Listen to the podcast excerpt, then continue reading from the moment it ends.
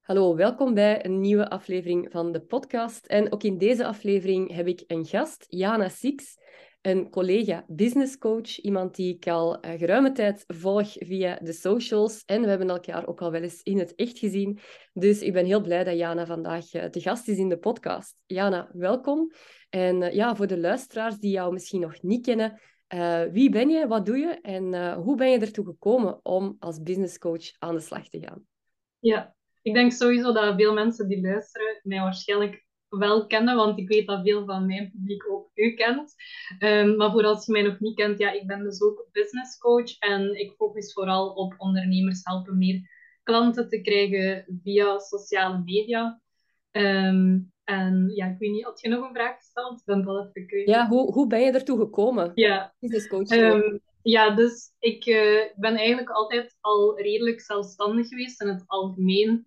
Um, ook door dingen die in mijn opvoeding uh, gebeurd zijn. Bijvoorbeeld mijn broer die vaak ziek was. Um, en ik had ook soms geen opvang, omdat mijn papa er niet zo vaak was. Dus ik heb altijd zo wel het gevoel gehad dat ik heel zelfstandig ben moeten zijn. Niet per se negatief of zo. Maar ik had dus ook dat gevoel wanneer ik ging starten met werken. Um, ik had dan ook zo ervaring met vakantiejobs en stages. En ik had elke keer zo het gevoel van, dit is toch eigenlijk echt niet wat ik mij heel mijn leven zie doen. Um, en ik keek dan ook al heel hard op naar andere ondernemers, zoals Gary Vee, maar ook, ja, ik was heel hard met fitness bezig. Um, dus ook veel ondernemers in de fitnesswereld. Um, ja, sowieso was het ook echt mijn hobby om content te maken. Dus tijdens mijn studies was ik ook echt al superveel bezig met sociale media, gewoon omdat ik dat leuk vond. Ik had mijn eigen blog, ik had ook een podcast gemaakt over fitness. Um, dus ik was daar al heel hard mee bezig. En dan, ja, zeker op het einde, dan als ik mijn stage zat in mijn studies, had ik zoiets van, ik weet echt niet of ik dit wel wil doen. En dan heb ik eigenlijk uiteindelijk besloten, echt, allee, ik heb tot het einde gewacht om iets te beslissen, want ik heb echt al gekeken naar jobs en zo, maar ik had elke keer zo het gevoel van, nee, dit is het niet. Dus ik heb dan besloten om gewoon ineens uh, fulltime te gaan ondernemen na mijn studies. Ja. En dat is wel grappig wat je zegt, dat je eigenlijk begonnen bent met content te maken. Want uh, misschien een indiscrete vraag, hoe oud ben jij? Uh, 26. Ja, 26. Dus ik denk dat is echt... Ja, ik ben 41, toch wel een andere generatie. En ik denk voor mensen van jouw leeftijd die content maken, dat komt bijna natuurlijk. Hè? Instagram, Facebook, TikTok podcasten. Ehm, en dan knoop je er eigenlijk een businessmodel aan vast. Terwijl ik merk heel vaak bij mijn klanten die meer van mijn leeftijd zijn en iets ouder, ehm, dat die content maken en die sociale media en alles wat erbij komt kijken, dat dat niet iets is waar dat ze, ja, het, het, wat dat ze het liefste doen. En ook niet iets is waar dat ze echt ja, native uh, in zijn. Dus dat is soms wel een drempel om, daar, uh, om daarmee aan de slag te gaan. Dus ik vind dat wel een interessante ja, vergelijking van, van toch mensen van, van een jongere generatie die echt opgegroeid zijn met al die, al die mediakanalen. Voel je dat ook, dat, dat, dat u dat vlot afgaat en, en dat je daar wel uh, ja, een voorsprong hebt op dat vlak? Uh, op dat vlak inderdaad wel echt. Uh, ik denk sowieso niet dat iedereen van mijn leeftijd er zo hard mee bezig was, want ik vond het gewoon heel leuk om te doen. Maar als ik dan bijvoorbeeld kijk naar mijn vriend, en in het begin, als ik dan over TikTok aan het praten was, was dat zo waar ga jij nu aan beginnen. Dus ik denk niet dat iedereen van mijn leeftijd zo is. Um, maar ik heb het wel altijd heel tof gevonden. En ook ervoor eigenlijk al. Dus ik was eigenlijk al van mijn vier jaar, weet ik nog, dat wij al een computer hadden thuis. En dan zat ik daar gewoon al wat, ik weet niet meer wat, was gewoon op Word of zo dingen mee te proberen. Um, ik weet dat dan heel vroeger dat je ook zo Netlog en MySpace en al. Dus dat waren wel allemaal dingen waar ik zo, ja, ik vond het kei leuk om dat uit te zoeken. Um, aan de andere kant wist ik ook totaal niet dat je daar je beroep of zo van kon maken. Dus voor mij was het echt gewoon een hobby. En dan, uh, ik studeerde handelswetenschappen, maar ik had dat eigenlijk zo wat gekozen met als insteek van, ik wist nog niet wat ik wou doen als job. En ik wist, daarmee kun je nog veel richtingen uit. Dus dat was het zo. Maar ik dacht wel van, ik had nog nooit iets gevonden waarvan ik zoiets had van, dit is het wat ik wil doen. Maar dan eigenlijk in het allerlaatste jaar moest ik dan kiezen welke specialiteit ik zou doen. Dus dat was dan marketing, human resources, um, informatica, zo al die dingen. En toen ben ik eigenlijk beginnen beseffen, beginnen beseffen dat wat ik deed als hobby, dat dat eigenlijk marketing was. En dan had ik zoiets van, eindelijk, ik heb iets gevonden dat ik leuk vind en waar ik dus ook echt iets mee kan doen qua job dan. Ja. En heel in het begin was dat dus in de fitnesssector? Ja, dus ik ben uh, sowieso was ik altijd wel bezig met sociale media, maar dat was dan meer met vrienden en vriendinnen. Um, toen ik ben gaan studeren, ben ik eigenlijk zo wat. Toen um, merkte ik van ja, dat mijn levensstijl zo wat ongezonder werd, omdat ik dan op kot zat en ik bewoog gewoon minder in het algemeen. En um, ja, ik moest mijn eigen eten maken en zo. en ik had ook heel veel stress van studeren. Dus dan ben ik eigenlijk zo beginnen beseffen, beginnen beseffen dat ik eigenlijk niet meer zo gezond bezig was. Dan ben ik met fitness begonnen. In het begin vond ik dat ook helemaal niet leuk. Dat was gewoon, ik wou gezonder worden. Dan begon ik dat zo leuk te vinden. En ik had zoiets van, ik wil eigenlijk wel graag andere mensen ontmoeten die daarmee bezig zijn. Um, gewoon voor motivatie en om elkaar te steunen. En dan ben ik eigenlijk een Instagram-account begonnen, omdat ik toen een fitnessprogramma deed waarvan ik wist dat heel veel mensen daarover content maakten op Instagram. Dus ik wou gewoon eigenlijk die andere mensen leren kennen. Mijn account was ook helemaal anoniem. Als je terugscrollt naar, ik denk, acht jaar geleden of zo, kun je dat nog zien op mijn Instagram. En ik postte ook nooit foto's van mijn gezicht of zo. Ehm, maar dan, daarin heb ik dus wel zo die liefde gevonden voor echt, ja, echt content maken en niet gewoon enkel voor vrienden. Ehm, mhm. Ja, dus, dus zo is, ben ik daar eigenlijk zo ingerold. En vond ik dat ook heel leuk om op die manier zo aan mijn creativiteit en mijn verhalen zo kwijt te kunnen. Ja. En wanneer is dan die overstap naar business coaching gekomen? Uh, eigenlijk echt helemaal op het einde van mijn studies. Dus toen ik mijn specialiteit in marketing gekozen had, ehm, was ik, ja, begon ik zo die passie echt te vinden daarvoor. En uh, keek ook veel naar andere marketeers op YouTube en zo. En ik vond dat eigenlijk echt heel tof om daarmee bezig te zijn. En dan ben ik zo wat die switch beginnen maken van ook meer tips delen rond Instagram groeien en zo. Want daar kreeg ik ook wel wat vragen over. Ik deed ook heel veel um, influencer samenwerkingen. Dus ik heb ook met Fitbit onder andere samengewerkt. En daar kreeg ik dan ook heel veel vragen over. Van ja, hoe heb je dat gedaan? Want eigenlijk heb je toch niet zo heel veel volgers. En toch heb je met zo'n grote merken samengewerkt. Ehm, dus ik vond dat ook heel leuk om mensen daar advies rond te geven. Zo is dat een beetje begonnen. En toen dat ik begon te beseffen van oké, ik wil eigenlijk echt wel ondernemen rond iets met marketing, uh, dan heb ik echt dus mijn content volledig veranderd naar marketing. Maar dat is wel zo heel geleidelijk gegaan. Eerst was dat enkel fitness, dan was fitness in combinatie met marketing en dan ben ik eigenlijk volledig naar marketing gegaan.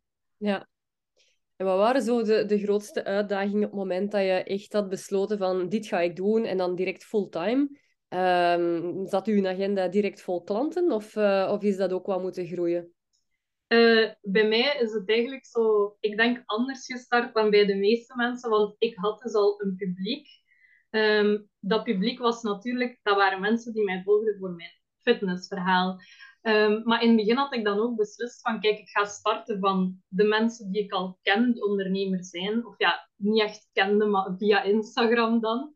Um, en toen ben ik eigenlijk marktonderzoek gaan beginnen doen met de mensen die mij al volgden, die toevallig ook ondernemer waren. En ja, logischerwijze zaten daar veel personal trainers tussen. Dus ik ben eigenlijk dan echt mark marktonderzoek gaan beginnen doen met personal trainers. En in het begin heb ik mij ook echt op die doelgroep dan gericht, omdat dat gewoon de meest logische keuze was voor mij. En ik vond het ook heel leuk om met fitness bezig te zijn, dus dat hielp ook wel. Um, dus toen ik startte, had ik eigenlijk direct wel wat klanten, omdat die al in mijn volgers zaten.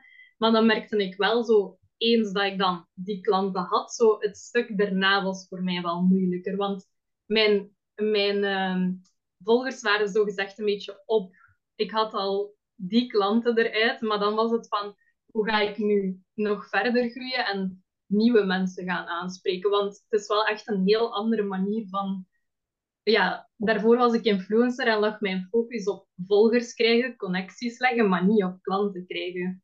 Dus dat was wel even wennen en zoeken van hoe ga ik dat nu aanpakken. Ja, maar wel een goed voorbeeld ook van, um, ik zeg vaak tegen klanten van zoek je een doelgroep en ga eerst voor het low-hanging fruit. Wie zijn de mensen die je al kent? Waar heb je al ervaring mee?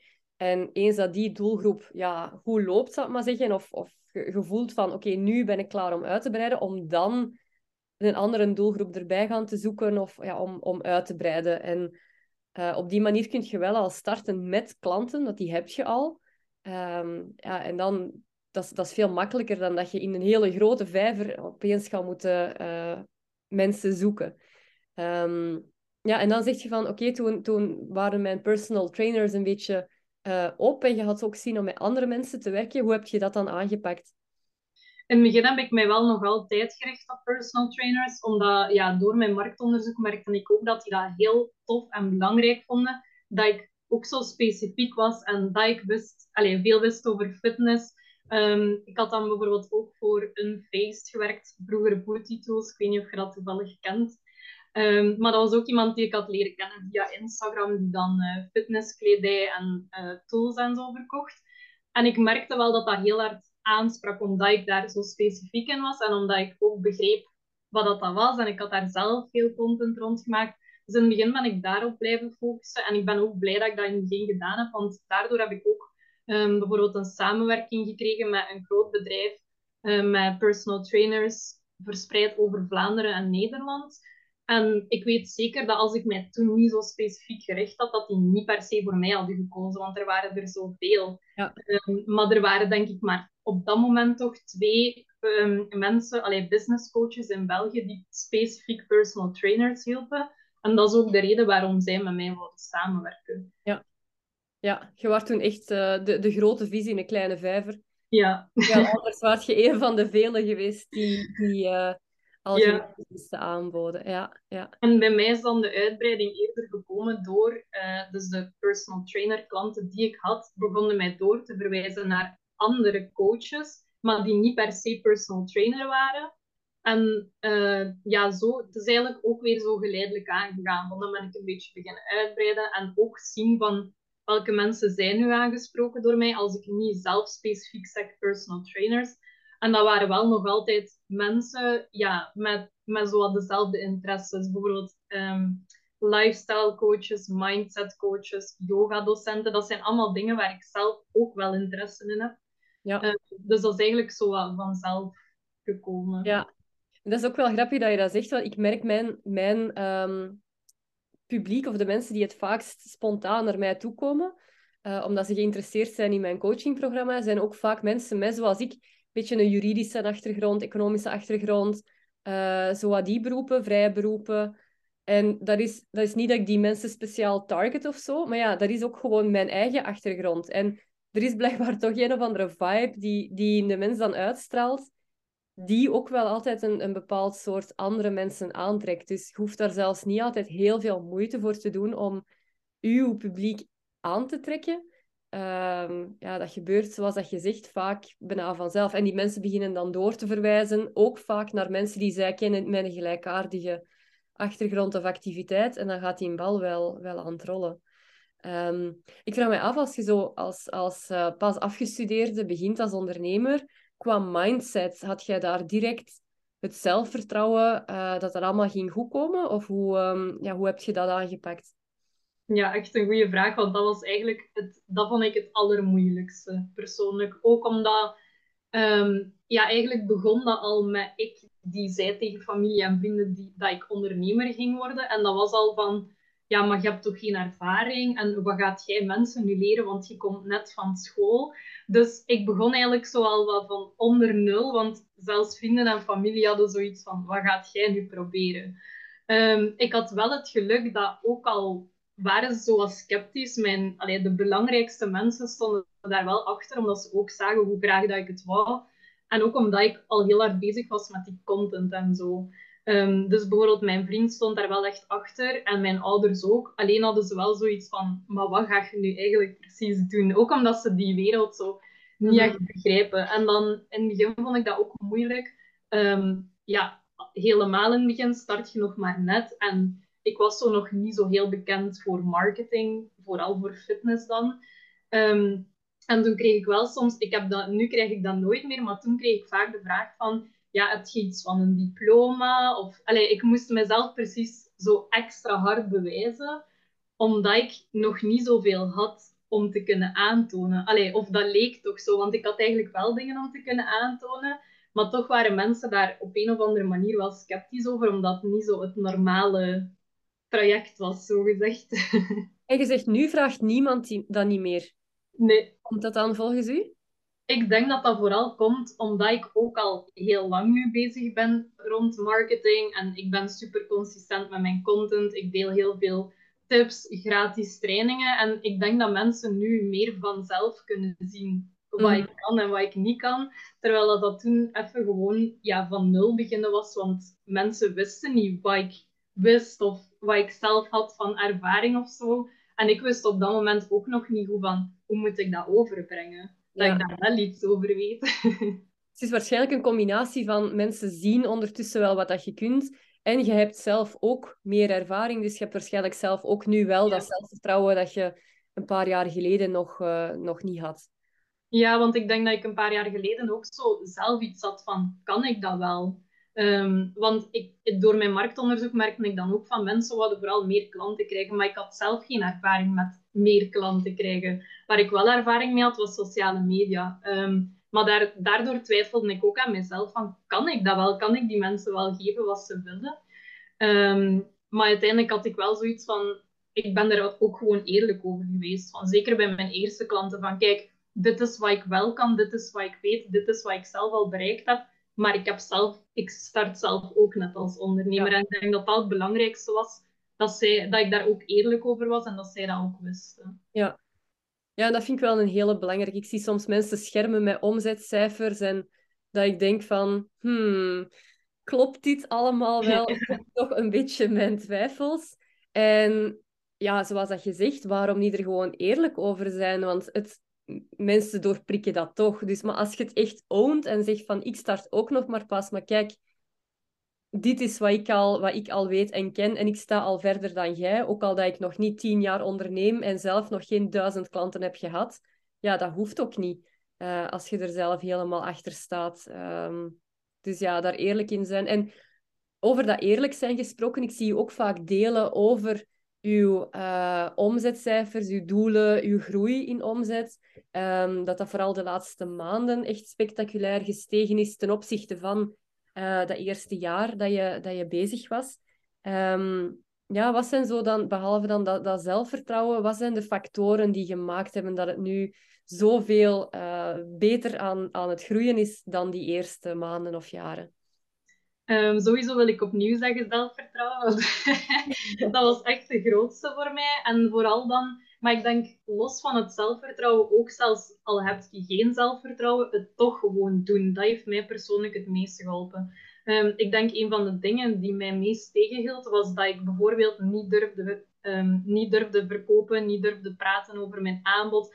Ik dacht altijd van, ja, wat gaan mensen denken? Of misschien vinden ze mij ambetant. Allee, al die dingen. En ik was ook heel bang om fouten te maken, terwijl dat, dat eigenlijk heel normaal is. En als ik nu kijk naar wat ik allee, vroeger deed, of bijvoorbeeld mijn manier van verkopen toen en mijn manier van verkopen nu, dan denk ik soms van, wat heb ik toen gedaan?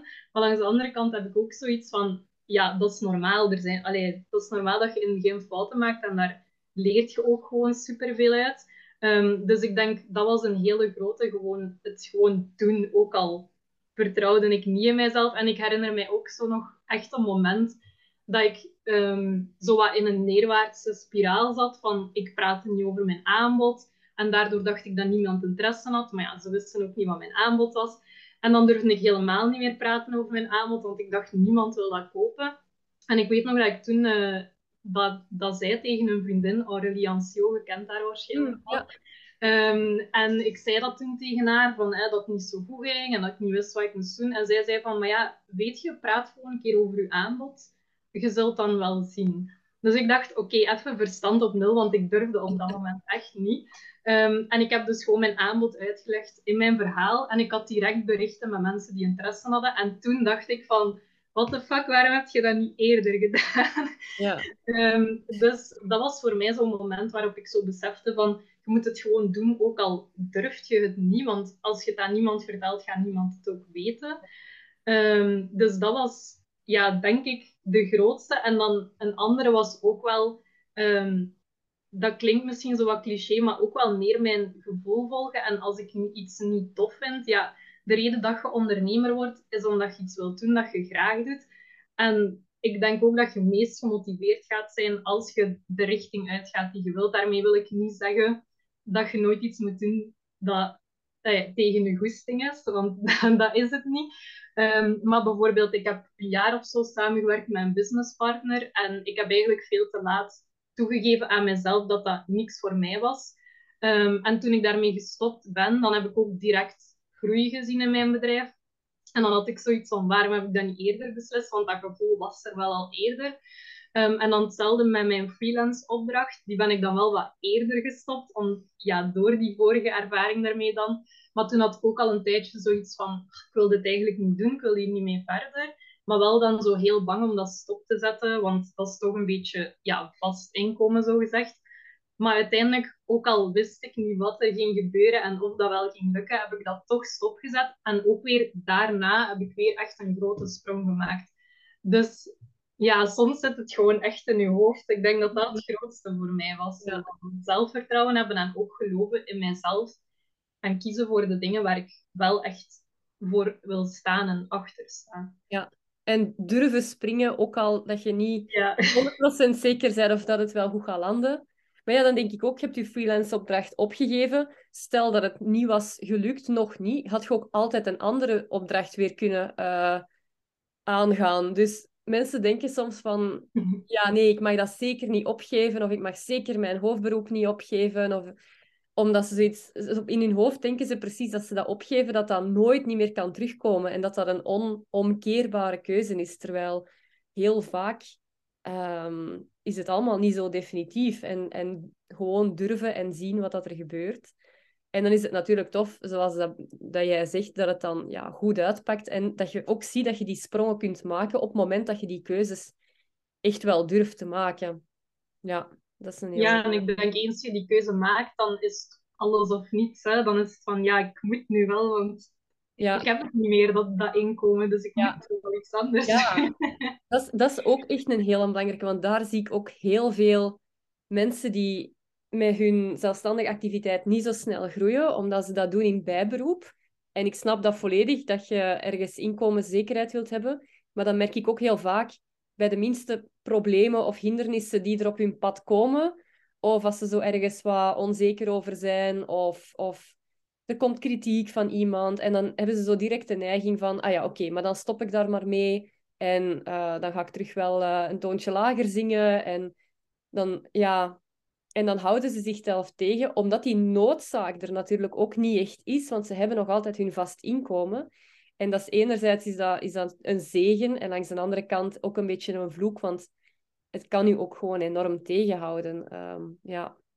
ja, en ik denk de keuze maken om te springen naar hoofdberoep of een andere grote keuze, die keuze maken alleen al zorgt in mijn ogen echt voor een vooruitgang. Want bijvoorbeeld een van mijn klanten is denk ik ook op de podcast geweest, Andrea. Ja. Uh, zij is ook gesprongen naar hoofdberoep en ik heb ook het gevoel bij haar van gewoon al door die keuze te maken, maakt ze ook superveel vooruitgang. Ja. Omdat zoiets is van, ik moet het nu wel doen. Ja, en ik, ik denk dat het ook iets is in uw energie of zo, is dat zegt van, ik ga ervoor, ik, ik sta ervoor, ik heb er vertrouwen in. Hè, want anders doet je het eigenlijk toch niet als je niet deep down gelooft dat je het gaat kunnen. En dat geloof in jezelf, dat straalt je dan ook gewoon uit. Waardoor dat alles een beetje in een stroomversnelling kan, uh, kan komen. Ja, dus inderdaad. En vaak, zoals dat je zegt, een keuze maken is al een stap vooruit. Het blijven hangen in die twijfel en het niet willen kiezen, slorpt ook heel vaak heel veel energie op. Waardoor dat je ja, tussen de twee, uh, je, zelfstandige activiteit en een freelance opdracht of een hoofdberoep, plus dan nog een keer voortdurend die keuze van, ah, zou ik het nu gaan doen, zou ik het niet gaan doen? En daar gaat dan ook weer heel veel energie aan verloren. Dus ja, gewoon een keer durven springen. Um, ja, zeker een aanrader wat mij betreft ook. Um, waarover dat we het ook al wel eens een keer gehad hebben. Uh, ik denk dat we alle twee ook... Uh, ik weet, we hebben samen in, in een Nederlandse mastermind gezeten. Um, we hebben wel wat connecties ook in Nederland. Daar zijn heel veel coaches momenteel. En ook heel dat debat over, zijn er niet veel te veel coaches?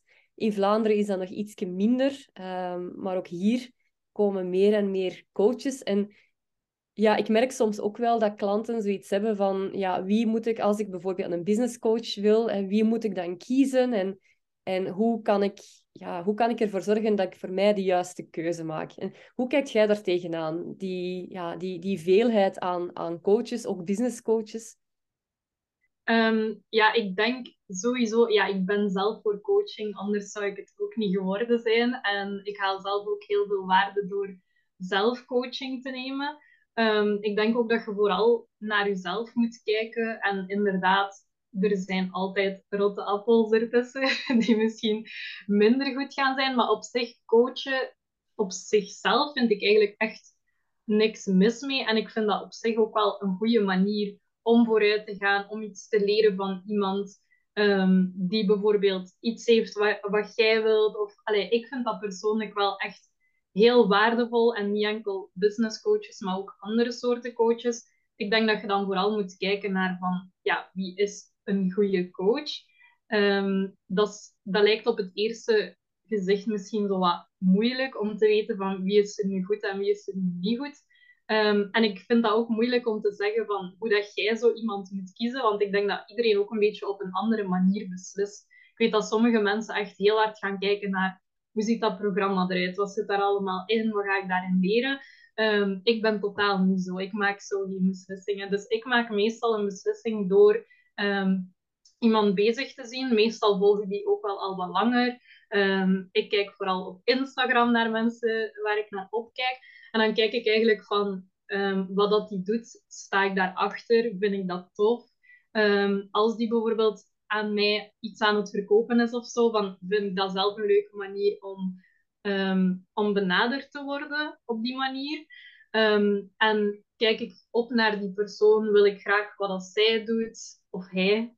Ik ga meestal bij een vrouw, dat denk ik vaak zo bij andere vrouwen.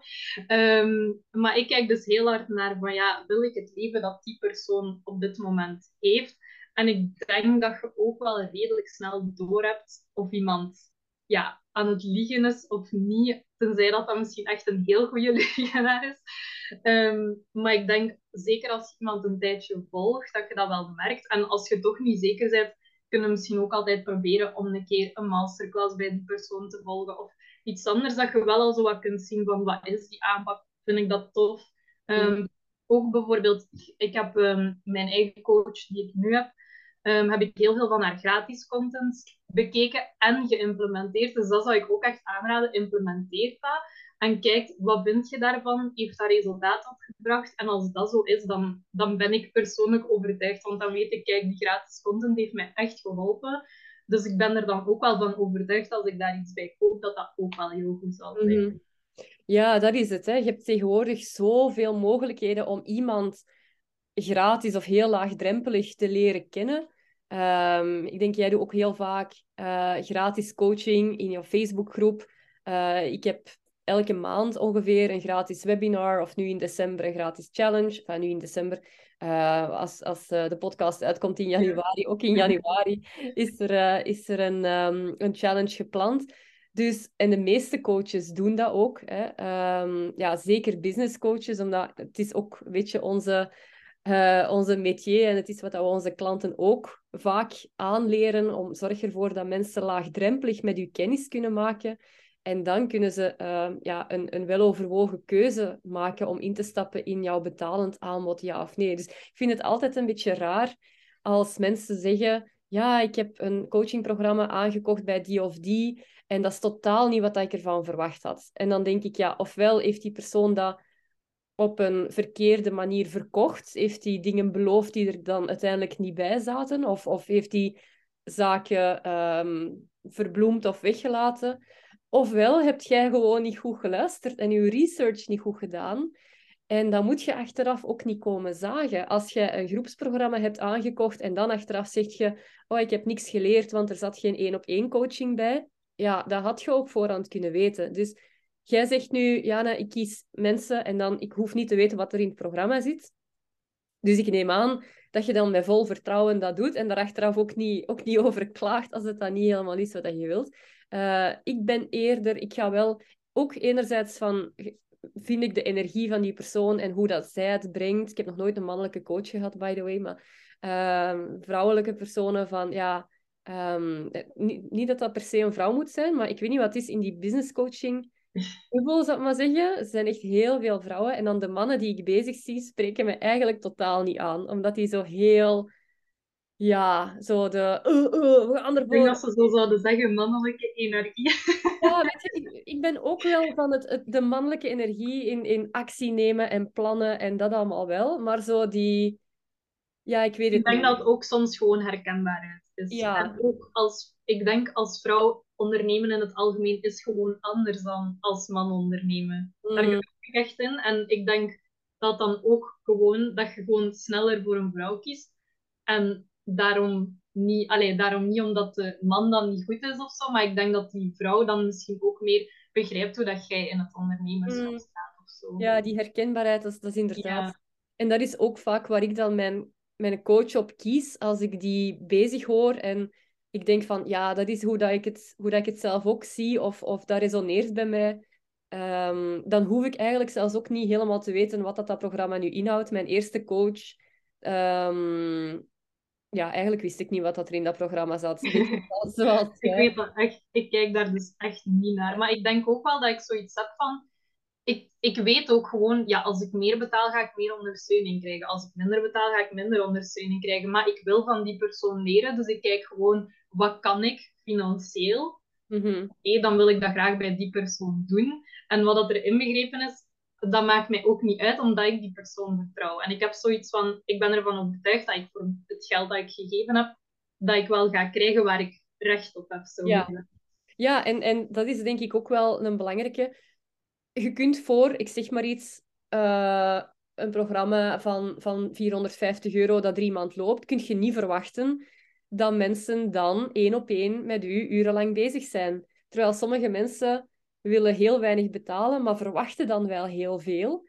En dan denk ik, ja, er zit ergens gewoon iets scheef in, in uw verwachtingspatroon. Ehm, ja, ik vraag mij dan soms af of, de, of ze ook al eens rondgekeken hebben naar andere programma's. Want ik denk, als je verschillende dingen hebt overwogen of hebt rondgekeken, dan weet je ook ongeveer wat dat je kunt verwachten voor een bepaalde prijs. En dan wil ik niet zeggen dat elke business coach dezelfde prijs geeft. Um, want veel hangt ook af van uw ervaring. Hè. Ik heb in het begin wel één op één gedaan voor 450 euro. Maar dat was ook gewoon omdat ik niet veel ervaring had. Um, maar ik denk wel, eens je zo wat begint rond te kijken, dat je wel ongeveer weet wat dat je kunt verwachten voor een bepaalde prijs van die bepaalde business coach. Mm. Ja, en het gaat er ook om wat je zelf wilt. Want dat eerste programma dat ik volgde, was met een heel grote groep. En dan waren er Q&A's van anderhalf uur waar 50 vragen behandeld werden. Dus dat was tjak, tjak, tjak, hè, op naar het volgende. En, maar ik vond dat totaal niet erg. Ik, vond, ik, ik vind dat veel fijner om naar te luisteren ehm, dan iemand die enorm veel tijd neemt voor iedereen en dat je daar zit van, ja, hallo, uh, is, dit, is dit belangrijk voor mij? Mag ik, mag ik uitloggen? Komt mijn vraag ook nog aan bod? Dus ik, ik hou niet zo van mensen die heel lang van stof zijn. Ik ben dat zelf ook niet. Voor anderen werkt dat net niet, die chak, chak, chak aanpak. En in mijn eigen programma doe ik dat ook niet. Ten eerste omdat ik geen programma kan vullen met 50 mensen. daarvoor ben ik nog niet lang genoeg bezig, dus daarvoor heb ik het bereik niet. Dus mijn, mijn groepen zijn per definitie klein, vrij klein. Ehm, en anderzijds vind ik het ook wel belangrijk dat er, zeker voor startende ondernemers, dat daar die voldoende ja, begeleiding, tijd... Want iedereen zit zo'n beetje met zijn eigen struggles en, en zijn eigen achtergrond. En um, ik vind het wel belangrijk dat daar tijd voor is, dat iedereen echt het gevoel heeft dat hij met al zijn vragen bij mij terecht kan. Um, en dat we daar grondig aan werken. Hè? Dat niemand het gevoel moet hebben van, ja, ik heb nu die drie maanden van het programma volgemaakt, maar eigenlijk zit ik nog met heel veel vragen en ik heb ze op geen enkel moment kunnen stellen. Dus dat vind ik wel altijd een belangrijke. Of dat dan in groep is of één op één, uh, ik bied de twee aan. Um, in het begin bood ik ook enkel één op één aan. Uh, maar ik ben wel die waarde van groepen meer en meer gaan waarderen. Ook omdat ik dat zelf merk als ik zelf coaching in groep volg. De vragen van anderen zijn ook super leerrijk. En soms vraagt iemand iets en dan denk ik, goh, daar had ik eigenlijk zo nooit over nagedacht. Is eigenlijk wel een goede vraag.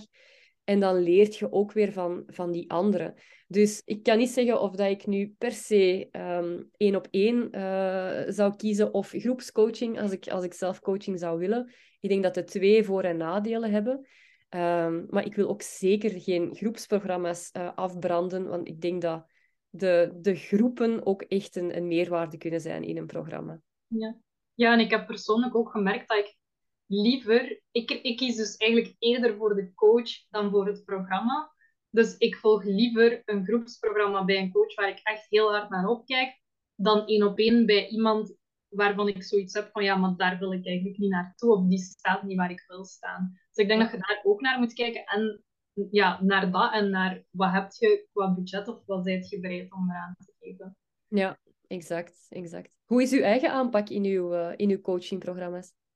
Um, ja, ik ben persoonlijk begonnen met één op één. Dat is ook voor de meeste mensen het makkelijkste om mee te starten, omdat je dan inderdaad geen groep moet vullen. Um, en dat heb ik eigenlijk over de jaren heen echt constant verbeterd. Ik pas dat nu ook nog altijd aan.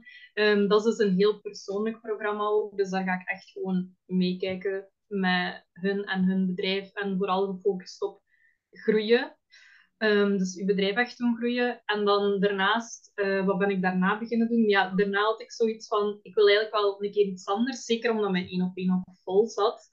Um, heb ik eerst zo wat geëxperimenteerd. Want ik vond dat eerst moeilijk om zo te vinden van, ja, wat wil ik dan doen? En uh, hoe gaat dat gaan, zo'n groep opvullen bijvoorbeeld. Um, dus dan heb ik eerst mijn mastermind succesvol lanceren gedaan. En dat vond ik echt super tof om te doen. Die deelnemers hadden inderdaad, zoals jij zegt, ook heel veel aan elkaar. Um, want dat was een vijf weken programma en ik zie dat die nog altijd super veel contact hebben met elkaar. Dus dat is echt heel leuk. Um, en nu ben ik eigenlijk ook begonnen met groepsprogramma's. Uh, ja, wat is nu het verschil? Dus bij die mastermind hebben ze echt ook wel een stukje één op één. Dus ga ik ook wel één op één vragen en zo beantwoorden in bijvoorbeeld hot seat coaching sessies. Um, bij de groepsprogramma's zal dan de toegang tot mij iets minder zijn. Dus dan ga ik bijvoorbeeld ook wel live sessies geven en antwoord op vragen, maar komen ze niet bij mij in de sessie. Dus bij mij zijn de levels zo meer van, ja, hoe meer toegang je eigenlijk krijgt tot mij, hoe persoonlijker dat is, hoe hoger de investering. Ja, ja, ik ben zoals jij ook begonnen met de één op één coaching. En inderdaad, ik raad ook altijd klanten aan van start daarmee. Dat, is, dat verkoopt veel makkelijker, omdat mensen ja, niet gebonden zijn aan, aan een bepaald groepsgegeven of een bepaalde tijdstip waarop dat ze moeten starten of, of moeten in de, in de sessies zitten. Uh, en dan begon ik te merken uh, dat mijn één op één coaching wel goed begon te lopen en dat ik meer en meer afspraken in mijn agenda had. En ik ben niet iemand die graag een volle agenda heeft. Uh, ook voor contentcreatie en zo. Ik vind dat het leukste eigenlijk. super leuk om te doen. En daar moet ik gewoon tijd voor hebben in mijn agenda. Dus ik dacht, ja, ik wil natuurlijk nog wel groeien met mijn coachingpraktijk, maar ik wil niet nog meer één op één klanten. Want dan heb ik dagen dat ik uh, ja, van de ene Zoom-call in de andere. En uh, en dan ben ik eigenlijk mijn, mijn groepsprogramma gaan ontwikkelen. In de zomer ook eerst met een klein programma, dat liep dan een maand. En dan um, vanaf september dan met een, met een, uh, een echt groepsprogramma dat drie maand loopt. En ja, dat vind ik eigenlijk superleuk om te doen. En er is, voor mij is dat zoveel beter te organiseren, omdat ik doe om de twee weken een, uh, een, een coaching call. Um, en ik weet van ja, om de twee weken op maandag voormiddag heb ik mijn coaching call en voor de rest is mijn agenda leeg. Enfin, niet leeg, leeg, uiteraard niet, want ik heb ook mijn één op één klanten en ik heb ook heel veel, uh, of heel veel af en toe um, kennismakingsgesprekken met mensen, gratis gesprekken die ik als promo aanbied. Dus ja, leeg is die agenda nooit. Maar hij zit niet propvol met afspraken. En dat merk ik ook wel vaak bij klanten. Ze starten en ze zijn blij dat er klanten komen. En dan komen er meer klanten en meer klanten. En dan op een gegeven moment ja, zit die agenda ramvol en geraken ze een beetje gestresseerd. En dan is het het moment om te zeggen, oké, nu ga ik uh, aan een groepsprogramma beginnen. Als ze daar nog niet mee begonnen zijn, is het dan echt wel overdue. En dan komt er soms zo wat weerstand van, ja, maar ja, is dat nog wel waardevol als ik dat in groep aanbied? En dat is denk ik zo soms een beetje de drempel waar we mensen over moeten helpen. Van ja, dat kan ook nog super waardevol zijn, of zelfs waardevoller dan nu een één op één. En voor hun business is dat echt gewoon, ja, dat is hetgene dat dat maakt dat je, dat je van maanden van 2.000, 3.000 euro kunt gaan naar 10.000 euro en meer, omdat het gewoon super schaalbaar wordt op dat moment. Ja, en ik zie het ook echt als een kans creëren voor mensen die geen budget hebben voor je één op één, dat die toch nog kunnen samenwerken met u. En ik merk dat mensen daar ook echt dankbaar voor zijn. Want stel nu, je hebt enkel je één op één en iemand kan dat niet betalen, maar die wil wel super graag met u samenwerken, dan kun je die persoon een andere optie geven om met u samen te werken. En dat vind ik ook heel waardevol. Ja, ja exact. Ja, of mensen die, die anders op, op wachtlijsten... Hetzelfde voor bijvoorbeeld psychologen, therapeuten die wachtlijsten hebben. En ze staan dan vaak weigerachtig tegenover een schaalbaar programma, een groepsprogramma of een online cursus. Dan nee, want ik help de mensen één op één, anders gaat dat niet. Maar dat wil wel zeggen dat ze heel veel mensen op hun wachtlijst hebben die gewoon niet geholpen worden.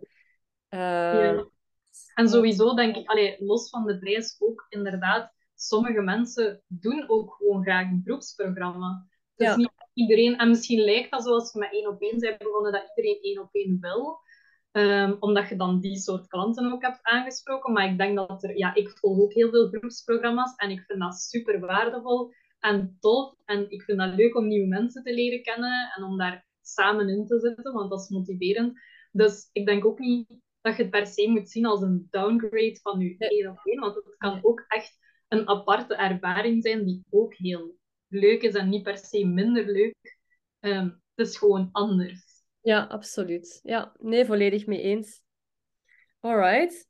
Wat tof. Ik vind het wel interessant om, om daar met u sowieso over te babbelen. Uh, ja, er zijn heel veel business coaches en uh, goh, ik ga nu niet zeggen dat, het allemaal, dat er zoveel concurrentie is, of ik voel dat toch niet zo aan dat dat, dat, heel erg speelt, maar toch is het altijd wel eens fijn dat je ook gewoon, um, ja, ook al, ook al zit je in dezelfde branche, dat je, dat je een keer van van gedachten kunt, uh, kunt, kunt wisselen.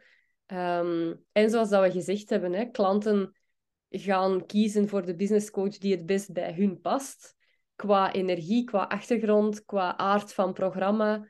Uh, dus uh, ja, voor iedereen zijn er klanten. En het is niet omdat iemand klant wordt bij u, dat ik mijn business ga moeten sluiten en vice versa. Dus ja, er zijn zoveel ondernemers out there die, die de hulp van een business coach kunnen gebruiken. Um, want dat is ook zo'n beetje in die discussie van, zijn er niet te veel coaches? Ja, zijn er genoeg coaches? En niet alleen business coaches, maar ook andere coaches. Er zijn zoveel mensen die zitten te wachten op, op hulp op zoveel vlakken.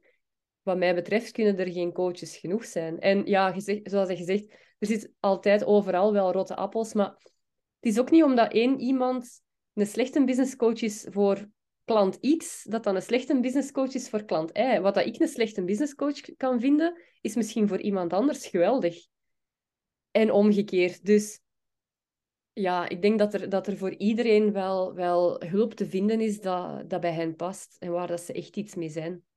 En ik denk dat je ook soms gewoon even een spiegel moet voorhouden als inderdaad een business coach niet goed was voor u, of dat het echt aan die business coach lag, of of dat je zelf misschien iets niet goed geïmplementeerd hebt, of je inderdaad nog onzeker voelt over iets, of een business coach hebt gekozen die niet u aanleert waar dat jij naar op zoek waart. En dat kan misschien ook aan u liggen. Ik zeg niet dat dat zo is, maar ik denk dat sommigen dat misschien niet zo goed beseffen van dat het misschien aan hen ligt. Zeker als je al meerdere coaches hebt geprobeerd en ze werken allemaal niet, dan zou ik mij wel eens beginnen afvragen van heb ik misschien iets niet goed gedaan. Ja, dat vind ik echt een, een grote red flag als ik een potentiële klant spreek en die begint al direct over vorige business coaches die allemaal niet goed waren. En dan denk ik, ja, heb jij zelf de verantwoordelijkheid genomen om te doen wat dat jij kon doen om het succesvol te maken? Of heb je gewoon, ja,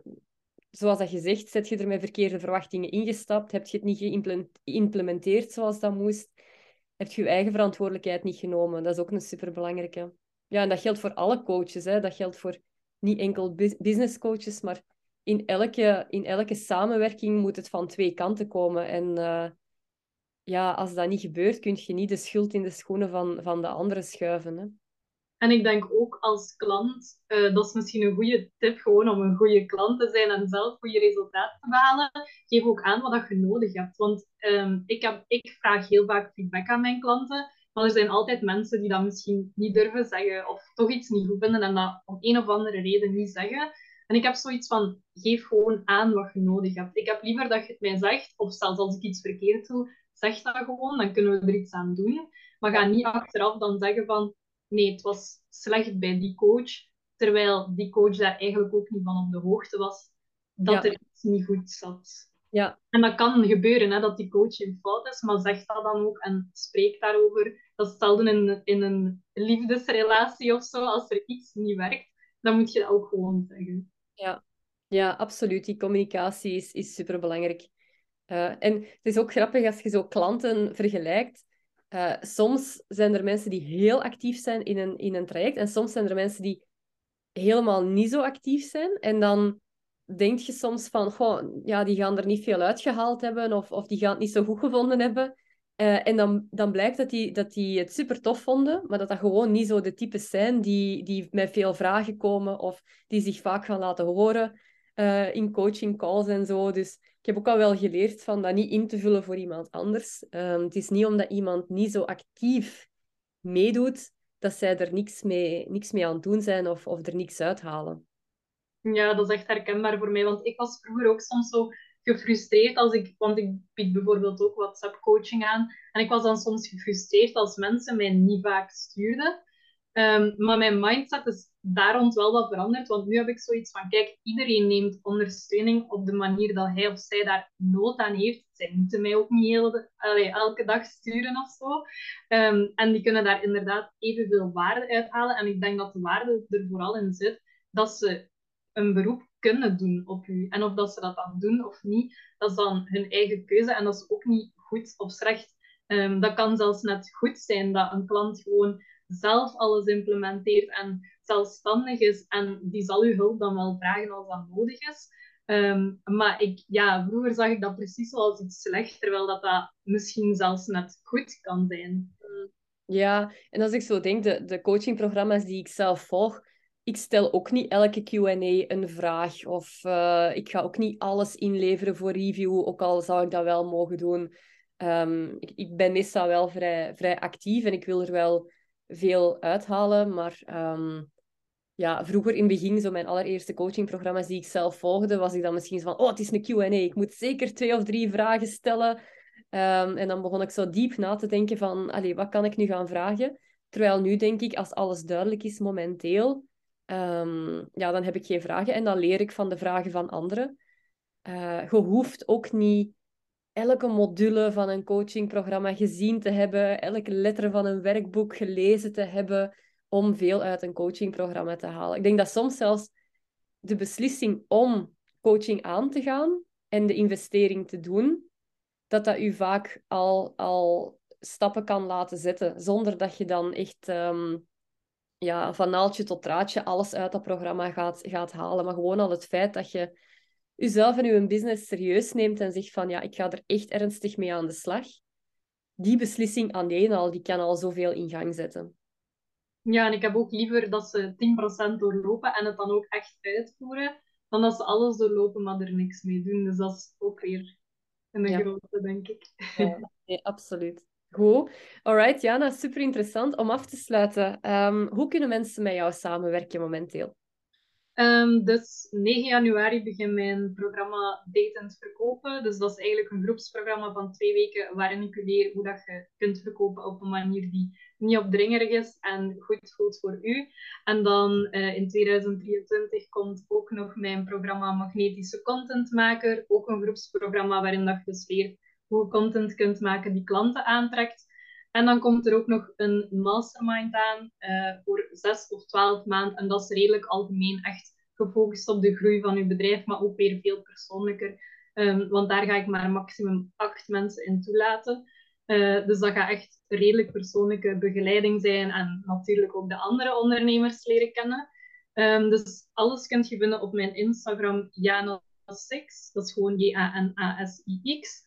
En ik heb ook een gratis Facebookgroep, Six Media Lab Community, waarin dat je eigenlijk superveel gratis trainingen vindt rond verkopen, rond content maken. Dus daar kun je ook al wat meer dingen vinden en al heel veel dingen gratis bij leren. Alright, ik zal de links naar uh, de Instagram en de Facebookpagina ook in de show notes zetten. Dan uh, kunnen mensen uh, op die manier jou ook vinden. Jana, super hard bedankt dat je te gast was in de podcast. Ja, heel bedankt.